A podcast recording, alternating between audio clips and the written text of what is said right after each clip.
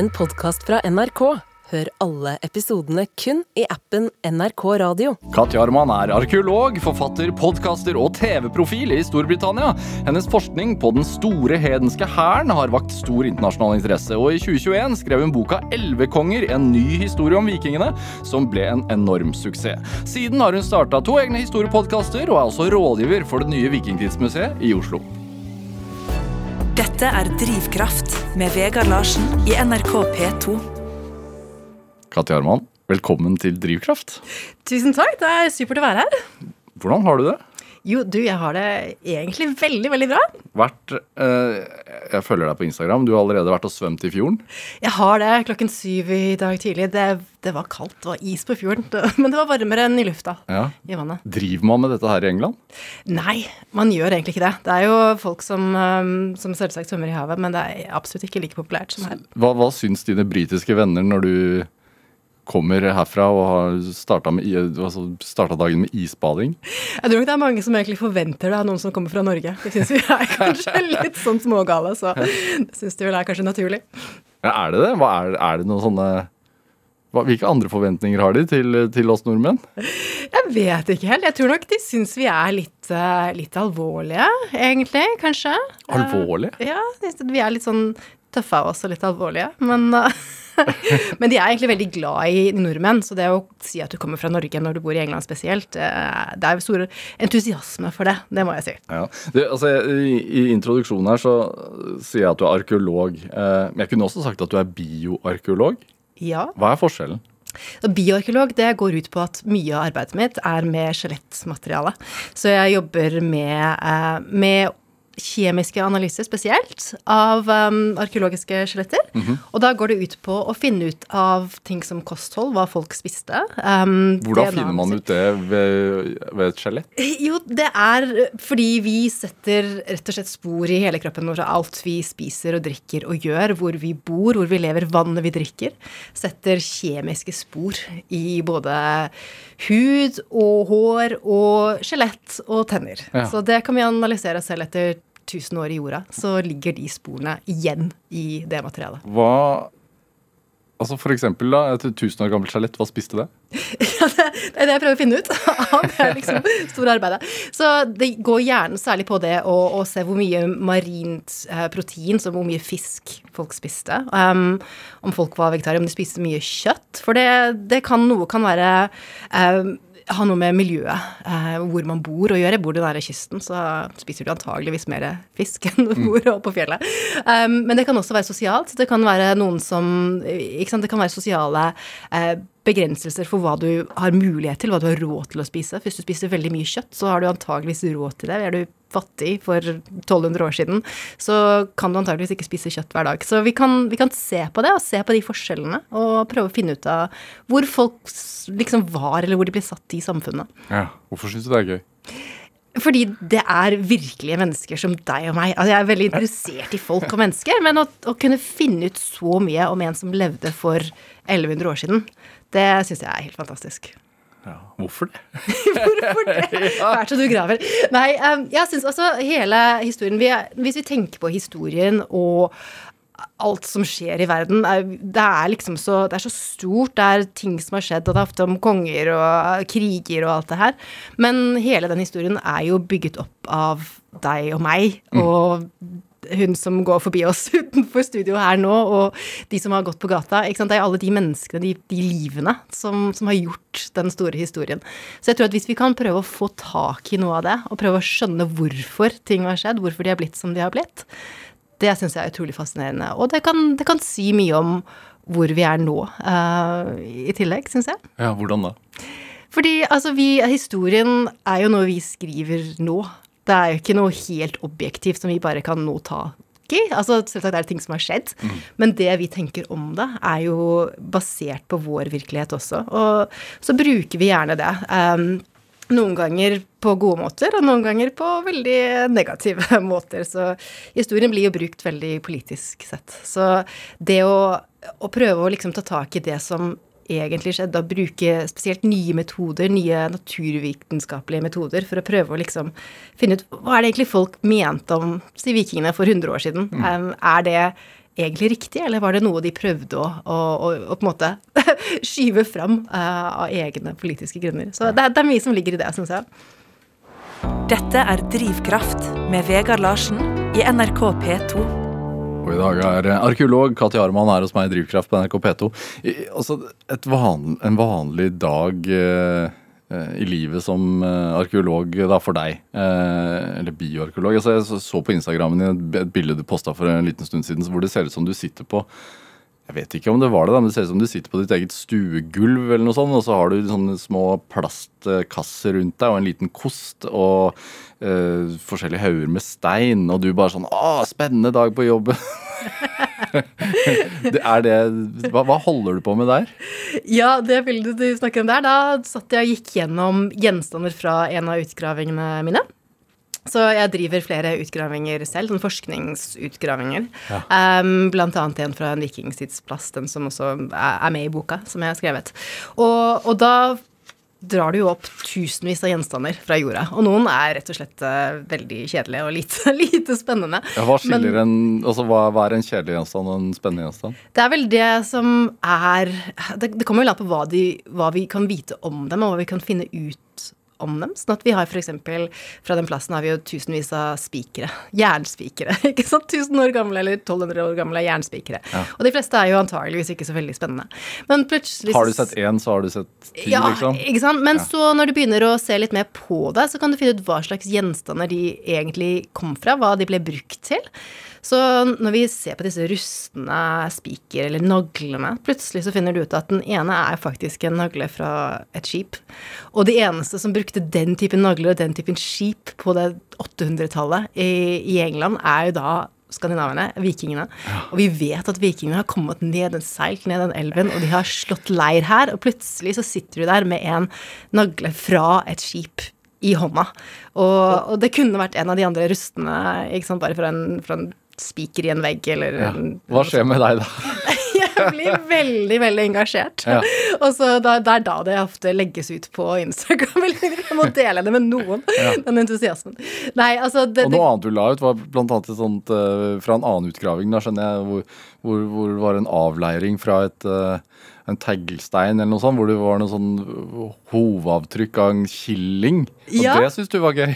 Ja, en geitkilling. Ja. Uh, det var en romersk uh, murstein, så 2000 år gammel murstein, som vi fant. Og de er også mange tusen. Men når du da skrubber denne her, vasker den igjen, plutselig så ser du et lite avtrykk, og da, da er det en geitekilling som har løpt over. Og det er, det er liksom det å, å, se på det og, og prøve å finne ut hva det egentlig forteller om hva som skjedde den dagen. Du kan tenke deg han som har sittet der og laget disse mursteinene, lagt dem ut i sola for å tørke, og så plutselig så kommer den geitkyllingen og løper over og ødelegger arbeidet den dagen. Men det er det som liksom gjør det Det tar det fra den store historien om romertiden og om invaderinger og kriger og keisere og alt det her, ja. til det veldig eh, menneskelige og det dagliglivet. At det fins geitekyllinger som løper rundt og irriterer deg. Hvor rik fantasi har du? Jeg må vel egentlig si at den er veldig rik. Mange historier oppi hodet. Så. Og jeg tror du må det for å være arkeolog og interessert i arkeologi, så må du kunne gjøre det. Du må kunne se på de, de naglene og tenke OK, hva forteller han meg? Hvem, altså prøve å liksom få de bildene fram i hodet. Ja. Um, Ellers så tror jeg det rett og slett ikke går. ja, for Hvis du da går på en gressplen og du veit at uh, her, her, skal vi grave, da. Hvilke bilder gjør du deg i hodet da? Du må, jo, du må jo, tenke og ha den optimismen for at, at her kan det være noe stort. Uh, og vi begynner jo selvsagt med mer enn det. Vi begynner jo med, med enten spor fra, fra, gamle kart, eller vi bruker um, geofysics og radaranalyser f.eks. Så vi må vite at det, det, er en god grunn til at vi graver, graver der. Ja, Som er et slags sånn ekkolodd i jorda, altså så ja. man kan se at det faktisk er noe under bakken? Nettopp. Ja. Uh, men selv det, det er jo ikke veldig klart. Nå har vi jo noen eksempler bl.a. fra Gjellestad, hvor du fant et vikingskip som ser Altså alle kan se at det er et vikingskip, for det er formen på et skip. Mm. Vanligvis så er det ikke så klart. Da er det noen sånne rare former som du må prøve å tenke Jo, det kan være. Så du må ha en litt fantasi der for å for liksom se, se hva, det kan, hva det kan bli. Og så må du ha den ja, du må på en måte ha tro på at uh, her, dette kan være noe. Og ofte så blir du jo skuffet, dessverre. så det kan jo være at du Hva, Når ble du, Har du blitt mest skuffet? Um, det altså, jeg, jeg, vil vel egentlig si at jeg alltid finner noe å, å bli engasjert over eller fascinert over. Um, men vi har blant annet Vi var en annen plass. Vi, vi lette etter vikingleir like ved den jeg har skrevet mest om, Repton. Og der håpet vi jo virkelig at vi skulle finne noe stort. Og vi gravde i to uker omtrent, og, og vi fant én liten sånn spillebrikke av, av bly på hele de to ukene. Her hadde vi håpet på graver og sverd og båt eller hva som helst, men så finner du én liten. Så det, det, det var skuffende. Og, og da snakker vi liksom et stort areal med nøysommelig graving. Ja, det var det. Ganske stort team. Og og det gjorde ikke noe særlig bedre at vi hadde et uh, TV-produksjonsselskap som filmet det hele i tillegg. Og da må det liksom bli Og vi fant, husker vi fant i byen første uken så hadde vi funnet en uh, klinkekule fra 1800-tallet, liksom. Det var det mest spennende. Hva slags TV-selskap var det? Uh, det var et produksjonsselskap fra England. Det var et, en dokumentar for Channel 4 i, i England som Altså nå var heldigvis så var ikke akkurat den utgravingen den største delen. Det var en det var rundt arbeidet litt, så, så, det var bare en liten sånn ekstra, ekstra del hvor de ville vise. Ja, for Katja Arman, du, du, holder jo til i England, eh, og du har jo deltatt på flere britiske TV-innspillinger. Eh, 'Digging for Britain' blant annet, og, og, flere ting på History Channel og Discovery, og også den du nevner nå på TV4. Er det Blir det tatt litt mer på alvor i Storbritannia? Jeg tror faktisk det. Og det var noe jeg merket eh, veldig stor forskjell på da jeg først flyttet dit. For ja. jeg mener, altså jeg begynte faktisk ikke å studere arkeologi engang. Jeg begynte, jeg trodde jeg ville bli arkitekt. Det viste seg at det ville jeg ikke bli. det, det, det, var ikke riktig for meg. Giftet deg med henne i stedet, si? Jeg giftet meg med henne i stedet, så det, det, gikk jo det gikk riktig allikevel. Ja. Men eh, det var ikke, absolutt ikke riktig for meg. Men arkeologi og historie var noe jeg var veldig interessert i som barn. Men jeg hadde ikke egentlig fått med meg at det var noe jeg kunne gjøre som karriere. Jeg visste ikke noe om arkeologi som et fag, egentlig. Så det slo meg ikke i det hele tatt. Men da jeg flyttet til England, så var det veldig mye kunnskap rundt arkeologi, og mange, og særlig da på TV. Ja. Så det som egentlig skjedde, var at jeg begynte å studere arkitektur og fant ut at det var helt feil for meg. Jeg hatet det. Um, men jeg så en TV-dokumentar om arkeologi som virkelig viste det arbeidet som de gjorde, og plutselig så forsto jeg at dette var jo helt riktig for meg. Det var det, det, jeg var interessert i, og begynte å lese mer rundt og fant et, fant et annet bachelorkurs som jeg kunne bytte til. Men det, det, tror jeg var det at det ble vist så mye av det. Så altså selv nå, hvis jeg går og forteller folk i England at jeg er arkeolog, så vet de veldig mye mer om hva vi faktisk gjør, ja. um, syns jeg, enn, en i Norge. Her er det litt mer sånn mm, ja, spennende. Hva var det i den dokumentaren som trigga en interesse, da? Det var vel mye av den, de oppdagelsene som de gjorde, og det at uh, Den forståelsen for at historien er ikke noe som er statisk, og som bare er der, som allerede er bestemt. Um, som, som, det er skrevet om allerede. Men det at, at, vi faktisk skriver den hele tiden, den historien. Um, og særlig at arkeologien er da den interessen for gjenstander og menneskene ja. som uh, har tatt del i historien. Og det kan være da naglene, ikke sant, og det kan være geitebukken. Altså de vanlige personene. Det var ikke bare det vi hadde lært om på skolen som mest var konger um, og kriger, følte jeg. Hvordan ser det ut på kontoret ditt eller hjemme hos deg? Har du masse sånne gjenstander? Jeg har det. Jeg har hyller fulle. har du det? ja. ja. Så det er ting som, som, er i ferd med å bli analysert, som da skal videre inn på uh, museer og sånn. Så det står da nå på noen, noen svære hyller uh, oppe hos meg før det, før det går videre. Er det vondt å gi det fra seg? Det er litt det, altså. Det er kanskje derfor det går litt sakte òg. Det å kunne gå, gå og ta, ta, frem en av disse eskene Men nei da, altså de selvsagt eh, De skal jo oppbevares på riktig sted på, på, på museer, så det, det, går jo raskt dit. Men, eh, men, det er noe med det å, å virkelig kunne ta på og røre ved disse gjenstandene som ingen har tatt på på så mange tusen år, som er helt fantastisk. Er det Altså, du, du, er jo i Oslo nå. Du er stadig vekk i Oslo. Hvorfor, hvorfor er du det? ja, det er, Man klarer jo ikke å holde seg unna Norge, tror jeg, hvis man kommer herfra. Nei da. Jeg, jeg, har litt tilknytning fremdeles til, spesielt til det nye Vikingskipsmuseet. Mm. Så jeg har jobbet der eh, i halvannet år under covid, så det, ble ikke så mye frem og tilbake akkurat da. Um, som eh, konsulent på faginnholdet til det nye museet. Og nå fortsetter, fortsetter det arbeidet. Um, videre med Selv om museet nå er godt i gang, så er det jo mye som må bestemmes ennå. Hvilke, hvilke historier Hvordan skal alt presenteres for publikum? Eh, hvilke historier er det vi skal fortelle om vikingtiden? Så der er jeg med i en referanse, internasjonal referansegruppe. Så vi, vi diskuterer da hva, hva innholdet skal være, og hvordan vi forteller det best. Besøkte du det som barn før du flytta til England? Ja, jeg gjorde det, og jeg må innrømme at det, eh, det er no- eh, en av de opplevelsene fra barndommen egentlig som satt veldig store spor. Jeg tror vel jeg var kanskje ni-ti år eller noe sånt nå. Vi var på skoletur eh, ut til vikingskipene. Og jeg husker fremdeles var første gangen jeg var der, jeg husker det å gå ned og, og se opp. Um, jeg husker jeg ble stående igjen ved siden av Osebergskipet mens alle andre hadde gått av sted for å spise matpakkene sine, eller hva det nå var for noe. Og, og den følelsen av å stå der og se opp på dette enorme, nydelige skipet og føle altså Nå var jeg selvsagt veldig flink, så jeg gjorde jo ikke, jeg rørte jo ikke ved det, for det får man jo selvsagt ikke lov til. Men at jeg kunne gjøre det, og kunne ta på noe så fysisk som en annen ni-ti år gammel jente for eh, 1100 år siden også kunne ha rørt ved. Det var det, det, var det veldig fysiske. Den, det var kanskje det nærmeste du kommer en tidsmaskin, føler jeg, å reise tilbake i tid. Så det var noe som gjorde stort inntrykk. Pluss at jeg var interessert Jeg leste veldig, veldig mye uh, som barn, og spesielt de bøkene til Toril Torstad Hauger.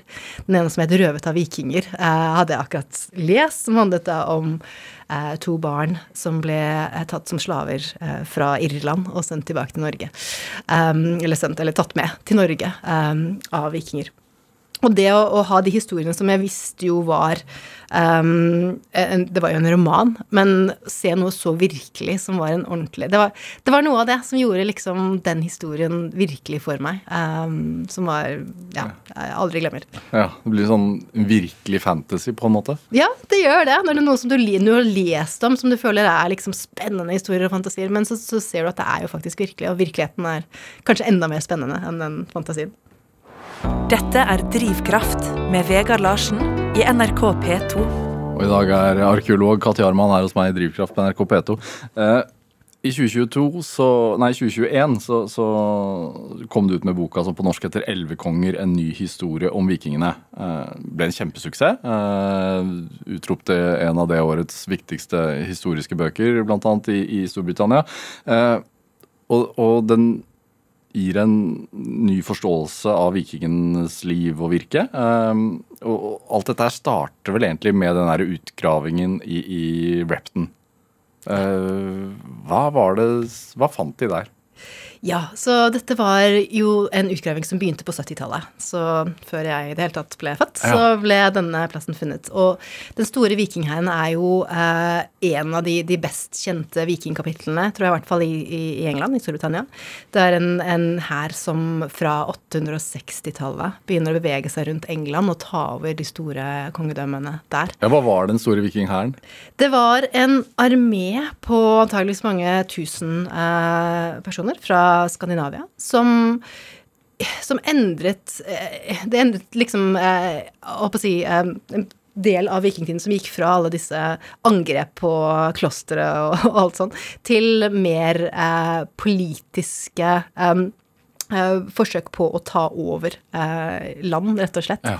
Og det er da første gangen de, eh, de overvintrer eh, år etter år, eh, denne ene store armeen. Som har også stor suksess, som tar over East Anglia, tar over Northumbria og beveger seg gjennom landet. Og, og til slutt tar over omtrent halve, halve England, det som blir England senere. Altså kolonialisering, da, rett og slett? Ja, rett og slett. Um, og på 870-tallet så kommer de til et sted som heter Repton, som ligger midt i, midt i England. Og der slo de seg ned um, en vinter i 873. Og det vet vi fra historiske kilder. Men på, eh, på 1970-tallet så eh, var det en arkeolog som heter Martin Biddle, og han danske, hans danske kone Birte Kjølby Biddle, som da fant spor etter denne hæren. Så det, det var ting som kunne dateres, det var mynter som dateres nøyaktig til det tidspunktet, eh, og gjenstander. Um, og i tillegg så var det et stort antall graver. En eh, vikingkriger med vikingsverd, torshammer rundt halsen. Alt det som du, du virkelig håper en viking skal ha. og eh, også en gravhaug som eh, hadde skjelettene og knoklene til nesten 300 personer i en massegrav. Um, så det ble gravd ut på 70-tallet. Um, men det var en del problemer rundt det materialet. Fordi selv om alt virket til å vise til at dette var denne armeen fra 870-tallet. så var det problemer bl.a. med karbondateringene, som det så ut til at de var altfor tidlige, at de datertes til 700-tallet. Um, så mitt doktorarbeid, som jeg begynte i 2012, det gikk ut på å analysere disse skjelettene for å bruke nye metoder. Um, finne ut hvor de kom fra, hva de spiste, om jeg kunne gjøre noe mer med de dateringene. Um, og det viste seg jo da at uh, de hadde faktisk spist veldig mye fisk. og det gjør også noe med dateringen. Uh, at den, de dateringene de gjorde av knoklene for um, Hva, hva ville, altså det at de hadde spist mye fisk, hva, hva, hvilket lys gikk opp da? Nei, altså det som skjer eh, når vi daterer med C14-datering, er at eh, vi daterer den karbon-14 som, som, vi får, som vi har i kroppen vår, som vi får fra det vi spiser. Mm. Um, og hvis du spiser planterikt eller eh, ting fra, fra, fra, land, rett og slett, uh, så er det helt greit. Da kan vi datere det på vanlig måte. Men hvis du spiser ting fra havet, så spiser du også karbon som er mye eldre enn den karbonen du finner i planter, f.eks. For. Fordi den karbonen kommer ned i havet og sirkulerer rundt i en 300-400 år, mm. og så går da inn i fiskenes um, eh, fiskene og i den som spiser fisken. Så hvis du har spist mye fisk i ditt liv, så har du antageligvis eldre karbon i deg. Og det var noe vi ikke visste for 30-40 år siden. Mm. Så, så, vi må rette for det, rett og slett. Um, og det var noe av det jeg gjorde da i mitt arbeid, som plutselig da gjorde at uh, nesten magisk sett, så, så, ble disse dateringene riktige igjen. Da passet de helt, helt godt inn med de historiske kildene. Ja. Var det noe Og så var det en sånn perle Eller en perle? Ja, så Som ble viktig? Det, det, var det. Det var det som ble til boken. Um, for dette var jo da De naturvitenskapelige analysene spesielt var doktorarbeidet mitt, og det var jo veldig spennende, det. Men etterpå så um, fikk jeg uh, muligheten til å se gjennom ja, sånne plastbokser og esker med gjenstander som men, men, var det sånn altså, siden doktoravhandlingen din og fremover, så du sluttet ikke å tenke på dette her, da? eller? Nei, uh, for jeg var veldig involvert. Jeg hadde allerede brukt fire-fem år på å jobbe med det her. Um, og, mm, og, så fikk jeg muligheten til å se gjennom mye av det materialet som ble gravd opp på 78-tallet, men som ingen egentlig hadde klart å publisere eller gått igjennom. Og det var mange ting som ikke ville sett på som særlig viktige. Så jeg, um, jeg sa jeg kunne gjerne hjelpe til med det, og ble sendt svære bokser fulle av ting hjem til um, huset mitt. Og satt på kontoret en dag og gravde meg gjennom og syntes det var utrolig spennende. Og plutselig så åpnet jeg en liten sånn Tupperware-eske, um, og der lå det en liten perle. En liten oransje perle.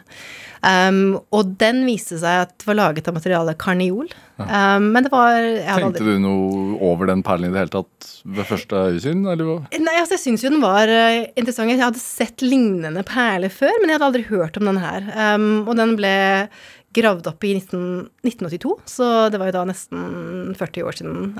men uh, jeg hadde ikke lest om den, jeg visste ikke at den var der engang. Uh, så jeg begynte å, å, å, se litt mer etter når den kom fra, hvordan den kunne dateres. Og det viste seg det at det var en type som ble brakt inn til England av, av vikingene. Um, det fantes tre eller fire andre fra hele Storbritannia. Mm. Um, og de var alle fra vikingtidsplasser. Um, men i Skandinavia har vi hundrevis av dem. Og overalt i vikingenes verden så finnes det eh, såpass mange. Men det som var mest spennende, er jo hvor den kommer fra opprinnelig. Fordi den perlen og det materialet kommer antageligvis fra India. Eh, fra Gujarat i India. Så det som liksom ble det store spørsmålet, er hvorfor. Hvordan i all verden havnet den der? Ja. Fra India? Nettopp. India til Derbyshire. Ja. um, på 870-tallet. Eh, en relativt lang reise. Det er en ganske lang reise. Så både hvordan, altså bokstavelig talt hvordan, ja. eh, og hvorfor. Hvorfor endte den opp der? Hvem, går, du, går, du, inn i sånn etterforskningsmodus da? Det blir det. Det blir sånn detektivmodus. Jeg hadde jo også ganske lyst til å bli detektiv da jeg var liten. Jeg leste mange krimromaner og sånn, så det blir litt sånn uh, Cold Case The Vikings. Ja. Men eh, altså Undertittelen på boka di er altså 'En ny historie om vikingene'.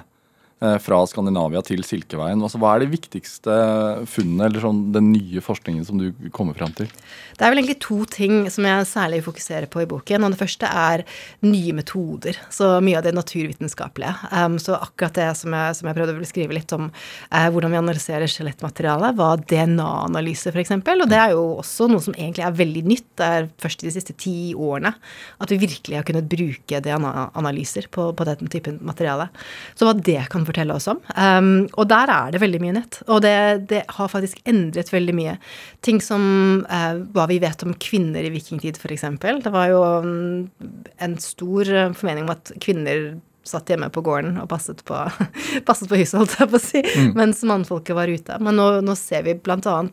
med disse kjemiske analysene at kvinnene er også stor del av det som skjer utenfor Skandinavia. De er med og reiser. Um, så, så, litt av det er det, men også det jeg også var veldig interessert i, var da særlig kontakten mellom øst og vest. Og det er noe av det den perlen demonstrerer, tror jeg. hvor uh, hvor mye kontakt det var mellom eh, østlige deler av, av, verden, altså Silkeveien og alt fra Konstantinopel og Byzantium til um, til steder som Bagdad, f.eks., og alt som, alt som, hender i den delen av verden. Og ikke bare Skandinavia, men også da Storbritannia og vest. Så det Altså, vi har jo selvsagt visst det lenge, det er jo ikke nytt at vikingene også dro østover. Men hvor stor del den østlige delen var av vikingenes verden, mm. det er noe vi nå de siste kanskje ti årene har virkelig fått øynene opp for, og hvor viktig den kontakten faktisk var. Hmm. Hva, hva, sier det deg om, om historiesynet vårt, eller om måten vi ser på verden på, egentlig? Altså, jeg vil vel egentlig si at det vi, vi, vi, liker kanskje å tenke at, det er, at om globalisering er noe veldig nytt så veldig mye moderne. Det er noe vi har funnet på i det siste fordi vi kan fly billig og reise rundt. Men eh, jeg vil vel kanskje si at eh, vikingene var kanskje de første store globaliserte samfunnet. Mm. Uh, og det var mye mer kontakt. Det var mye mer kontakt mellom kulturer um, spesielt. Og jeg tror vi ofte tenker at i fortiden så var de, var de mye mer uh, Um, altså isolerte um, fra alt annet. Og det, det er absolutt ikke, ikke sant. Nei. Så det tror jeg har mye om hvordan vi ser på, eller historisk sett har, har liksom prøvd å, å, å sette vårt samfunns um, syn på fortiden, og selvsagt gjør vi det nå også, men, eh, men, jeg tror nok det var mye mer av det. Så jeg tror ikke vi skal bli overrasket over at folk faktisk har kontakter med andre religioner, andre kulturer, um, også her oppe i det kalde, det kalde nord. Mm, og at uh, det er en stor melting pot, egentlig. Ja, alt absolutt, sammen. absolutt. Uh, Katja Arman, vi skal spille litt musikk. Um, du har med en låt som heter 'Time in a Bottle'. Hva, hvorfor det, og hva er dette her for noe? Det er en sang jeg er veldig glad i. Um, jeg synes den, det selvsagt, Nå er jo uh, de ordene han snakker om, kanskje spesielt en, en kjærlighetssang. Men han begynner med å snakke om at uh, if I could put time in a bottle, og hva han ville gjøre om å kunne legge tids, tiden i en flaske. Uh, og jeg lever jo store deler av livet mitt i fortiden mm. og tenker mye på dette her med tid. Både liksom ja, hva, hva, det har betydd for folk før, men også det nå, nå, skal vi snakke litt om drivkraft og hva som driver folk, men det med tid og den tiden vi har, og hva vi gjør med den tiden, det er kanskje noe av det som, som driver meg fram spesielt. Og de tankene på at vi har jo ikke vi har jo ikke all tiden i verden i det hele tatt. Men hva ville vi gjort hvis tiden stoppet og vi kunne Hva ville du spart på? Hva ville du gjort mer av?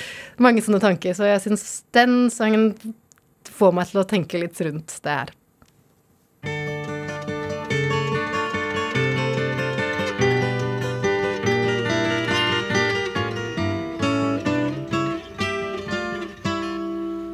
If I could save time in a bottle, the first thing that I'd like to do is to save every day till eternity passes away, just to spend them with you.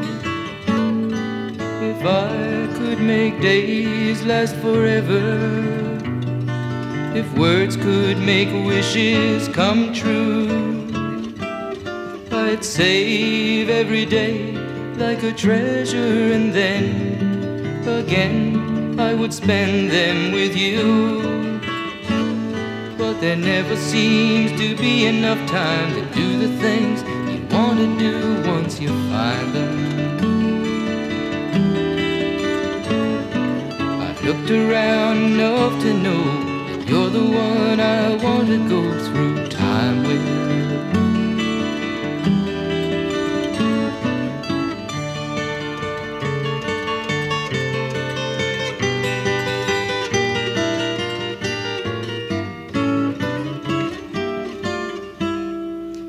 If I had a box just for wishes and dreams that had never come true,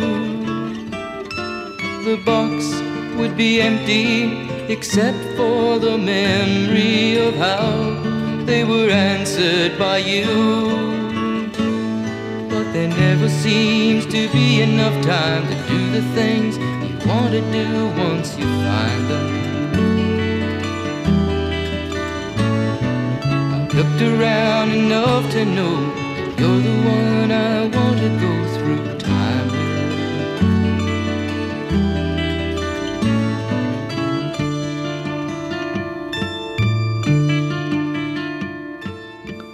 Ja, Du fikk eh, fantastiske Time in a Bottle av eh, Jim Croce her i Drivkraft på NRK P2. Valgt av dagens gjest her i Drivkraft, nemlig arkeolog Katja Arman. Altså, du er født i 82, eh, så er ikke gamledama. Men, men når er det den derre ah, Livet går fort, og det- jeg må, må bruke tiden vel. Når du setter den inn? Nei, si det. Um, jeg- for meg kanskje i hvert fall en ja, ti år siden eller noe. Du begynner, når du begynner å tenke litt mer på at du begynner å bli voksen, og du begynner å bestemme deg for hva slags karriere du skal ha. Um, og jeg vet ikke. Jeg tror kanskje det, det, det er særlig på det tidspunktet der hvor du begynner å, tenke at mm, kanskje, kanskje jeg ikke kan begynne på nytt igjen hvis jeg vil bli lege nå. Så syv år med utdannelse eller noe sånt, nå er det egentlig tid nok til det. Um, og det ja, for meg så, så har vel det egentlig vært eh, noe som jeg har tenkt veldig mye på. Um, at et eller annet tidspunkt så må du jo gjøre de tingene du faktisk har lyst til å gjøre i livet. Mm, Var det noe, altså, måtte det en endring til? Kanskje litt. Så for meg så var det også litt da for en ja, seks-syv år siden så, så ble jeg ganske syk, ganske plutselig. Um, og med noe som, som kunne ha vært alvorlig. En av de typene ting hvor du går rundt og venter på om det er noe helt uh, livsendrende alvorlig eller ikke. Um, heldigvis så, så gikk det veldig fint, og det var noe som, som ordnet seg. Men, uh, men det var litt den tanken da at hva om det er det. Om du plutselig får en beskjed om at nå har du et halvt år igjen, eller nå, nå kan du ikke gjøre de tingene med livet ditt som du kanskje hadde håpet og ventet på. Um, så jeg tenkte liksom, hva er det egentlig jeg venter på? Uh, det var mye jeg hadde lyst til å gjøre. Jeg hadde veldig lyst, jeg hadde alltid tenkt jeg skulle skrive bøker og bli forfatter. Det var, Hvem var du før? jeg var, før, nei, jeg, jeg var jo selvsagt uh, samme person, men uh, jeg var kanskje litt mer um, på en vei som var litt mer standard. Jeg hadde tatt uh, mer utdannelse og doktorgrad og kanskje bare holdt meg innen akademiske retninger, men jeg ville gjerne jobbe mer med media, mer med, med TV eller radio eller podkast eller hva det måtte være, og skrive bøker. Jeg syns det er veldig spennende. Jeg er veldig glad i å kommunisere det jeg er engasjert over, og det jeg syns er viktig. Um, og jeg føler at det er noe jeg, jeg kan, kan også gjøre. Jeg følte noe som passer med både det jeg er interessert i, og kanskje forhåpentligvis har talenter for. Man må liksom finne, finne det. Men jeg har alltid vært veldig interessert i det med å kommunisere via TV og fortelle, fortelle historier, egentlig, på en spennende måte. Og jeg liker den utfordringen av å prøve å å få noen som egentlig tror de ikke er interesserte, til å faktisk bli interessert i, i historie eller vikingtid eller hva som helst. Ja. Og jeg tror det, det ofte er fag som, som folk føler er, eh, kan være kjedelig um, eller traust. Og så Men ja. når man da har en doktorgrad i arkeologi og er vant til å rote etter ting i, i bakken, hvordan bygger man seg da en mediekarriere som du har gjort i, i Storbritannia? Da må du være ganske målrettet, egentlig. Så det var jo noe jeg var veldig aktivt um, på leting etter. Men Å Og ringe rundt? Eller hvordan, hvordan gjør man det? Nei, altså litt av det var vel egentlig flaks å være på riktig sted på riktig tid også. Fordi vikinger er utrolig populære for tiden og har vært det de siste ti årene. Særlig av ting som TV-serier som Vikings, Vikings, og ja. ja, Mm. alt dette her. Og det gjorde at det var veldig mye interesse i det arbeidet som jeg holdt på med. Særlig siden jeg var, var da den som, som jobbet med denne plassen, Repton, som er en av de eneste vikingtidsutgravene i hele England. Mm. Så jeg fikk veldig mye kontakt. Og så da jeg holdt på med disse karbondateringene mine, og den, en, en vitens, naturvitenskapelig artikkel kom ut om det, så ble det veldig mye medieinteresse. Eh, Vi sendte ut en pressemelding, og plutselig var hele verden interessert. Så jeg fikk telefoner fra CNN og National Geographic og, og allting, og det var veldig spennende. Men så begynte også TV-selskapene å ringe uh, og ville lage dokumentar om dette her. På et, på et tidspunkt tror jeg jeg hadde seks eller syv uh, som konkurrerte om å feire den. Og da tenkte jeg nå må jeg bruke den sjansen til å prøve å gjøre, gjøre noe ut av det. Um, men du må også gå ut og, og snakke, banke på dører og si hei, jeg har lyst til å gjøre det her, vil du jobbe med meg? Og det blir veldig, veldig mange avslag, og det må man være Du må ha litt sånn is i magen, og du må kunne godta at det blir veldig mange For hvert ja, så blir det veldig, veldig mange nei. Um, og du må rett og slett bare fortsette til, til noe, noe kommer. Og etter hvert så Så ja, så går det. Tror jeg, hvis du fortsetter lenge nok. Hvis man, hvis man eh, sporer klokka tilbake i tid, da, altså sånn uh, Katrine Liarmann uh, fra Norge Ja. For du, du, det er det du opprinnelig heter. Ja. Uh, hva i, i, i din- barndom har gitt deg mot til, til dette her, tror du? Si det. Det var jo egentlig noe jeg alltid har vært interessert for. Jeg må faktisk innrømme at uh, da jeg var 13-14 år, så var jeg på audition for Midt i smørøyet programlederrolle. Jeg kom faktisk Jeg tror jeg var med på fire eller fem auditions, kom helt til siste runde, og så ble jeg banket ut. Ja. Det satt spor, altså. Det, ja. Men hvor er du fra, egentlig? Jeg er oppvokst på Bekkelaget i Oslo. Hva, hva, hva, fra et akademikerhjem, eller hva slags hjem er du fra? Nei, eh, ingen av foreldrene mine er egentlig akademikere. Um, faren min jobbet med resirkulering av dekk, faktisk. Og begge foreldrene mine hadde eh, egne bedrifter. Moren min drev et språkinstitutt. Eh, men det som også satte spor, var vel egentlig også at eh, moren min var hjemme uh, fram til jeg var en sånn ni-ti år gammel, og gikk så tilbake til universitetet. Um, jeg var en del syk da jeg var liten, så jeg husker jeg ble dratt med på Blindern og satt med da hun, eh, hun var på, med på sine kurs, uh, og syntes det var var veldig spennende, selv om jeg ikke skjønte Tore, hva de drev med.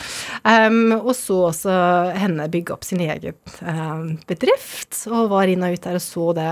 Så begge foreldrene mine gjøre noe ut av noe det de ville, rett og slett. Så de Jeg husker godt um, at foreldrene mine, begge, altså på begge sider, um, hadde lyst til å starte sine egne bedrifter og ta, ta over en eh, noe, um, og fortsette med det. Og det, det gjorde stort inntrykk, at man kunne, man kunne gjøre det i voksen alder. Man kunne endre og, og følge sine egne drømmer.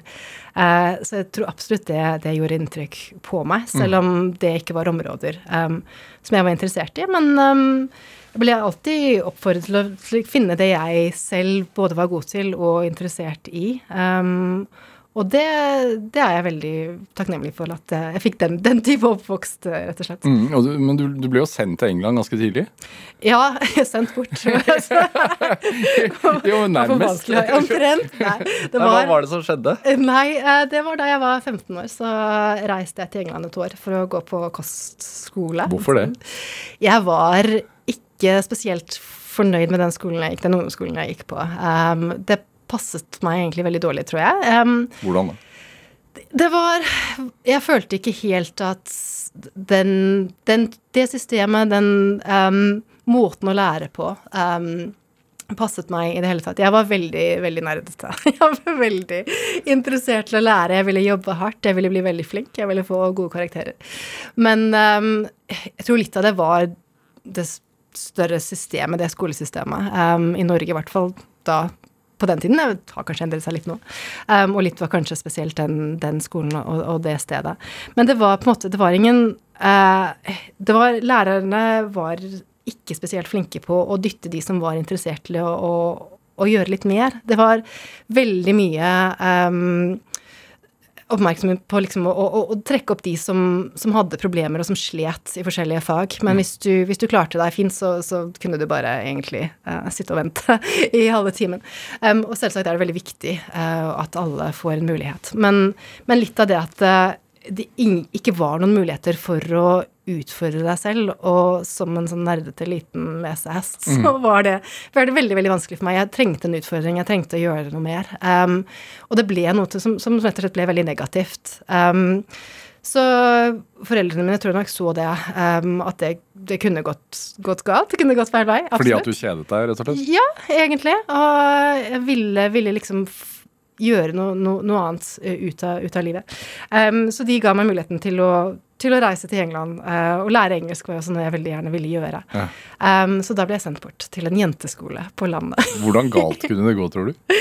Jeg vet ikke, altså Jeg syns jo det var mange ganske negative miljøer med, med alle mulige ting. Um, og det er veldig vanskelig, tror jeg, som 14-15-åring å være sterk nok til å si at uh, nei, jeg vil heller gjøre lekser og jobbe. Jeg vil ikke være ute og feste.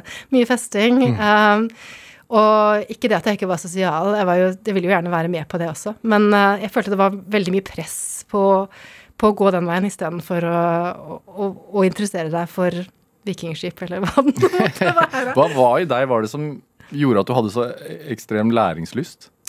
Jeg vet ikke. Jeg tror egentlig det er noe jeg alltid har hatt. Vært veldig nysgjerrig. Jeg tror det er en nysgjerrighet, egentlig, for å vite mer. Um, hvis jeg finner noe med tekst på, så må jeg lese det. Jeg husker å sitte og lese på melkekartong eller hva det måtte være. Uh, spise frokost. Um, og veldig glad i biblioteker som barn. Uh, noe utrolig gode minner av å sitte på en regnværsdag uh, på et bibliotek og dra med meg så mange bøker som jeg bare kunne få lov til å ta med meg hjem.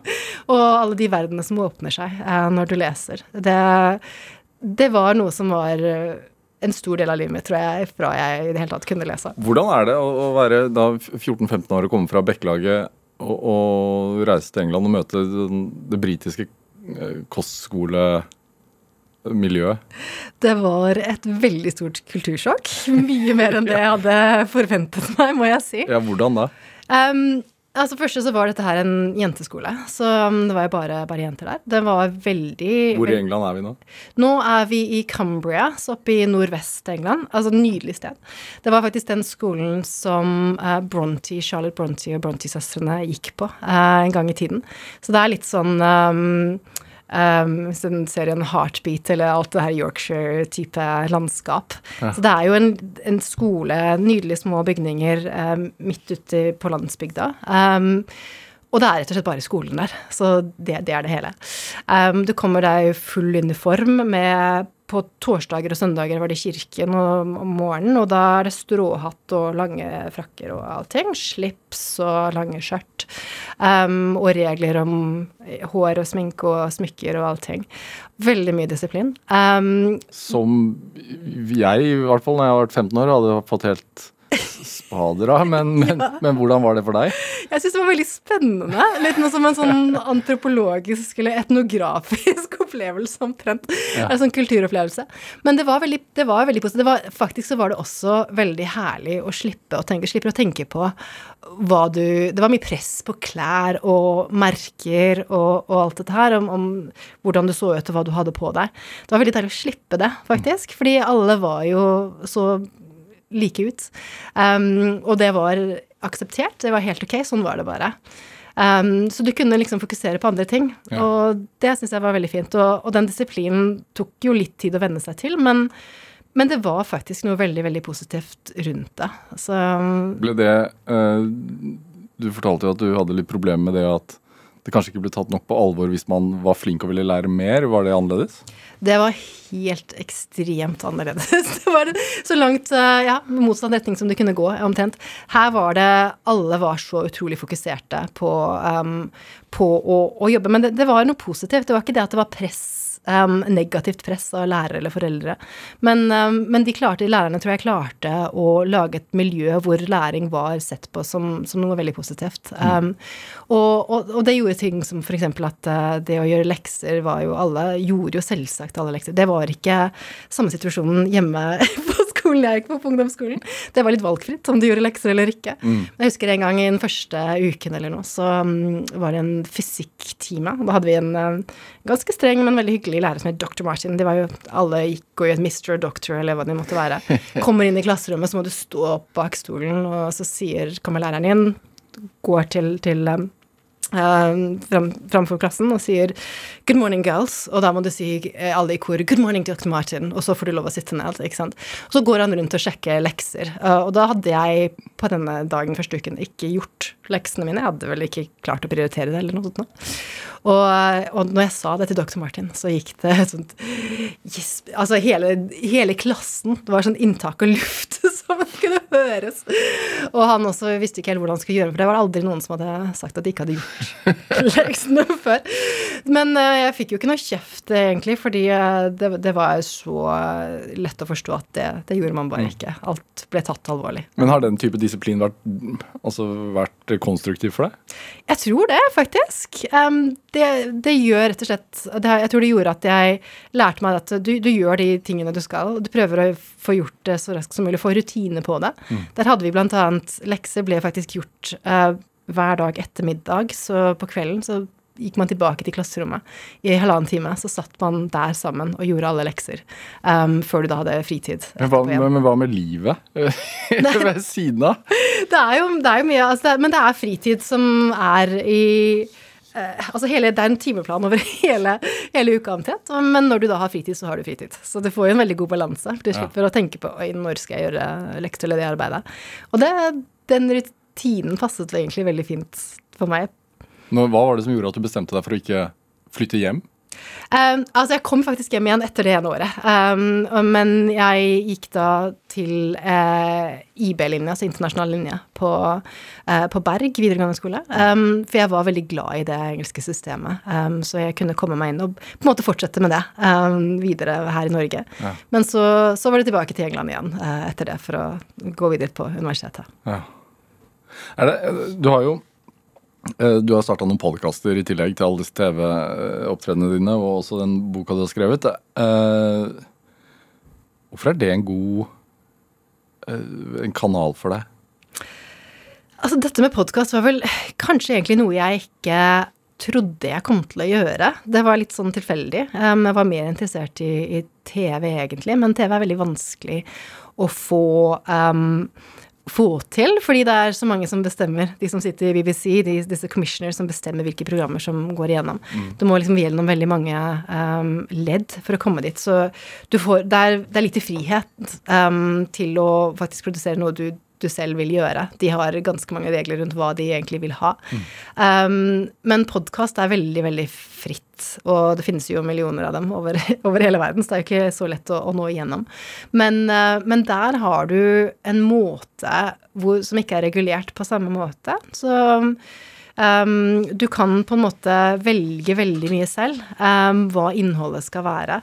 Um, så det som jeg eh, begynte for to år siden, et podkast som heter Gone Medieval. Der jobber jeg med en digital historiekanal som heter History Hit. Um, og der har jeg en hver uke har jeg da en gjest um, som er en ekspert um, på et eller annet felt. Eh, vanligvis akademikere. Som jeg da kan, kan velge helt fritt selv. Jeg kan bestemme hva temaet er, hva som har vært interessant.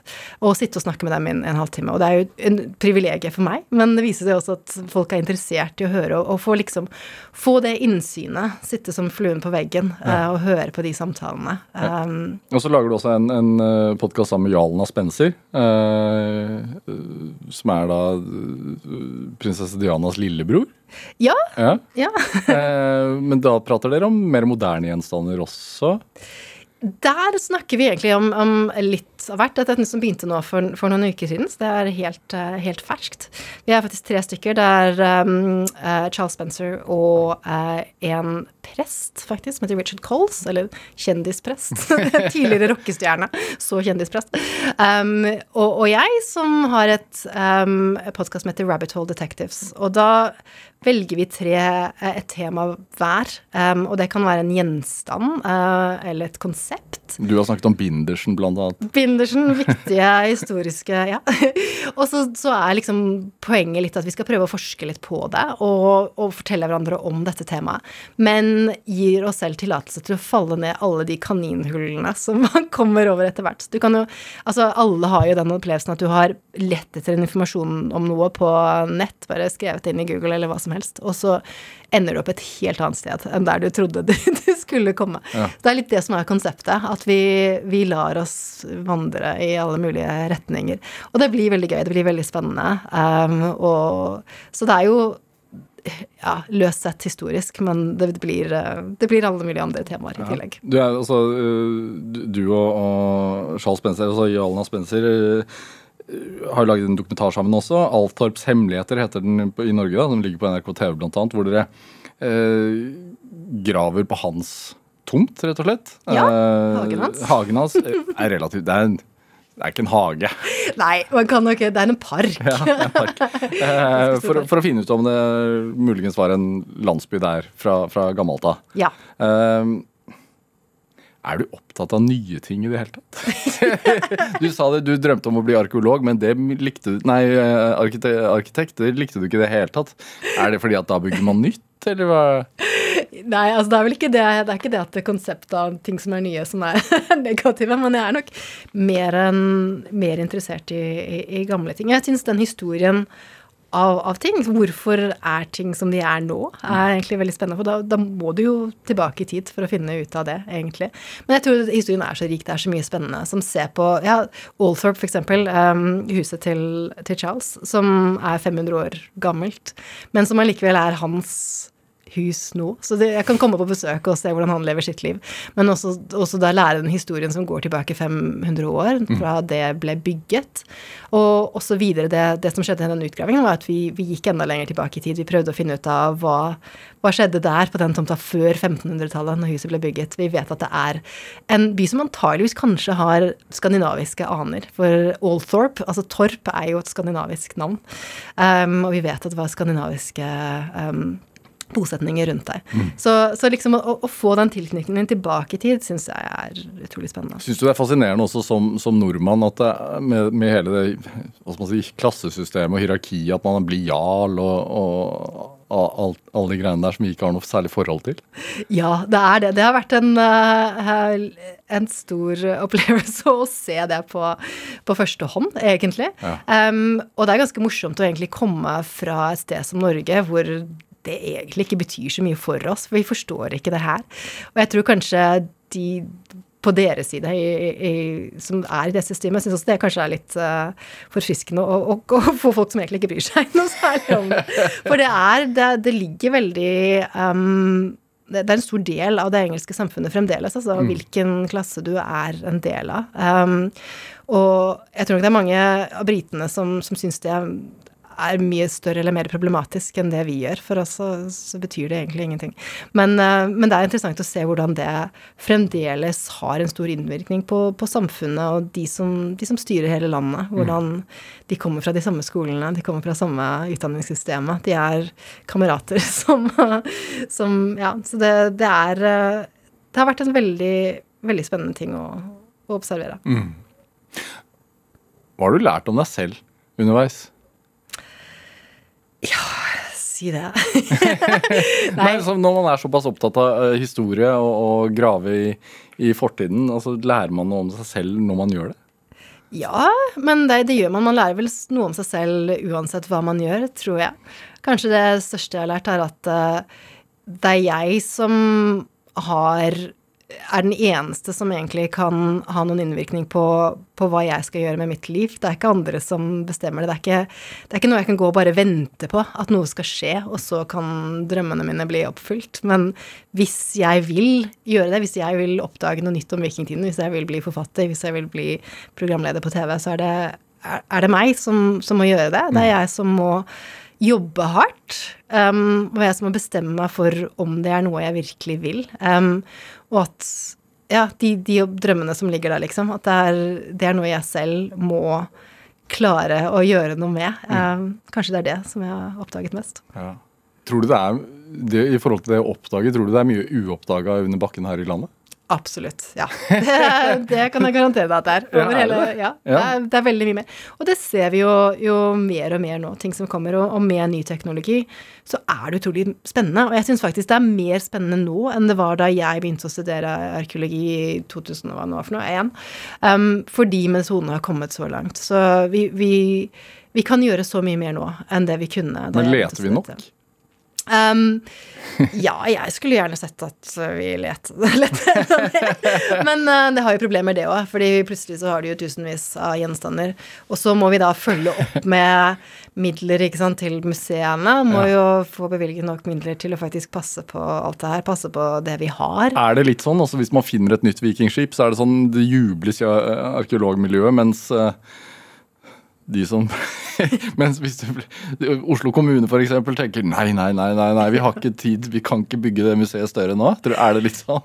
Det er det. Og det tror jeg altså det er mer av. Jeg syns det er nesten er mer av det her enn i Norge enn det er i England. Og det tror jeg har noe med det å gjøre, som vi snakket om tidligere, at den forståelsen og kunnskapen om hva arkeologi er, og hvorfor, og hva som er vitsen med det. Jeg tror kanskje den ikke er like stor her. Jeg tror vi tenker så hvis noen bygger og hører at de må må ha en utgraving som koster en viss sum, ikke sant? så blir det sett på noe som veldig veldig negativt. Og jeg tror vi ikke kanskje har fullt den forståelsen av hvorfor det faktisk er viktig, og hva vi kan gjøre med det. Jeg tror du det er en del grunneiere som finner et sverd, og så bare nei, nei, nei, fyller på med pukk i stedet?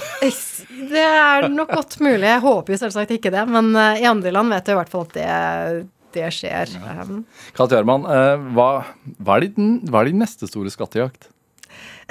ja, si det, det er et godt spørsmål. Jeg, jeg prøver egentlig å ikke eh, planlegge så mye. Det kommer liksom nye muligheter. Jeg, jeg tror ikke, Hvis, jeg, hvis du hadde spurt meg, det, stilt meg det spørsmålet for ti år siden, så tror jeg ikke jeg hadde kunnet svare på Eller sett for meg at jeg skulle være her jeg er nå. Um, så jeg tror nok det bare er det å, å fortsette. Jeg vil skrive mer, jeg vil skrive flere bøker. Um, jeg har faktisk tenkt å begynne med å skrive litt uh, skjønnlitteratur i tillegg. Um, drømmen om å bli detektiv da jeg var liten, kanskje den bare skal gå, gå frem og skrive om det istedenfor. Vi får se.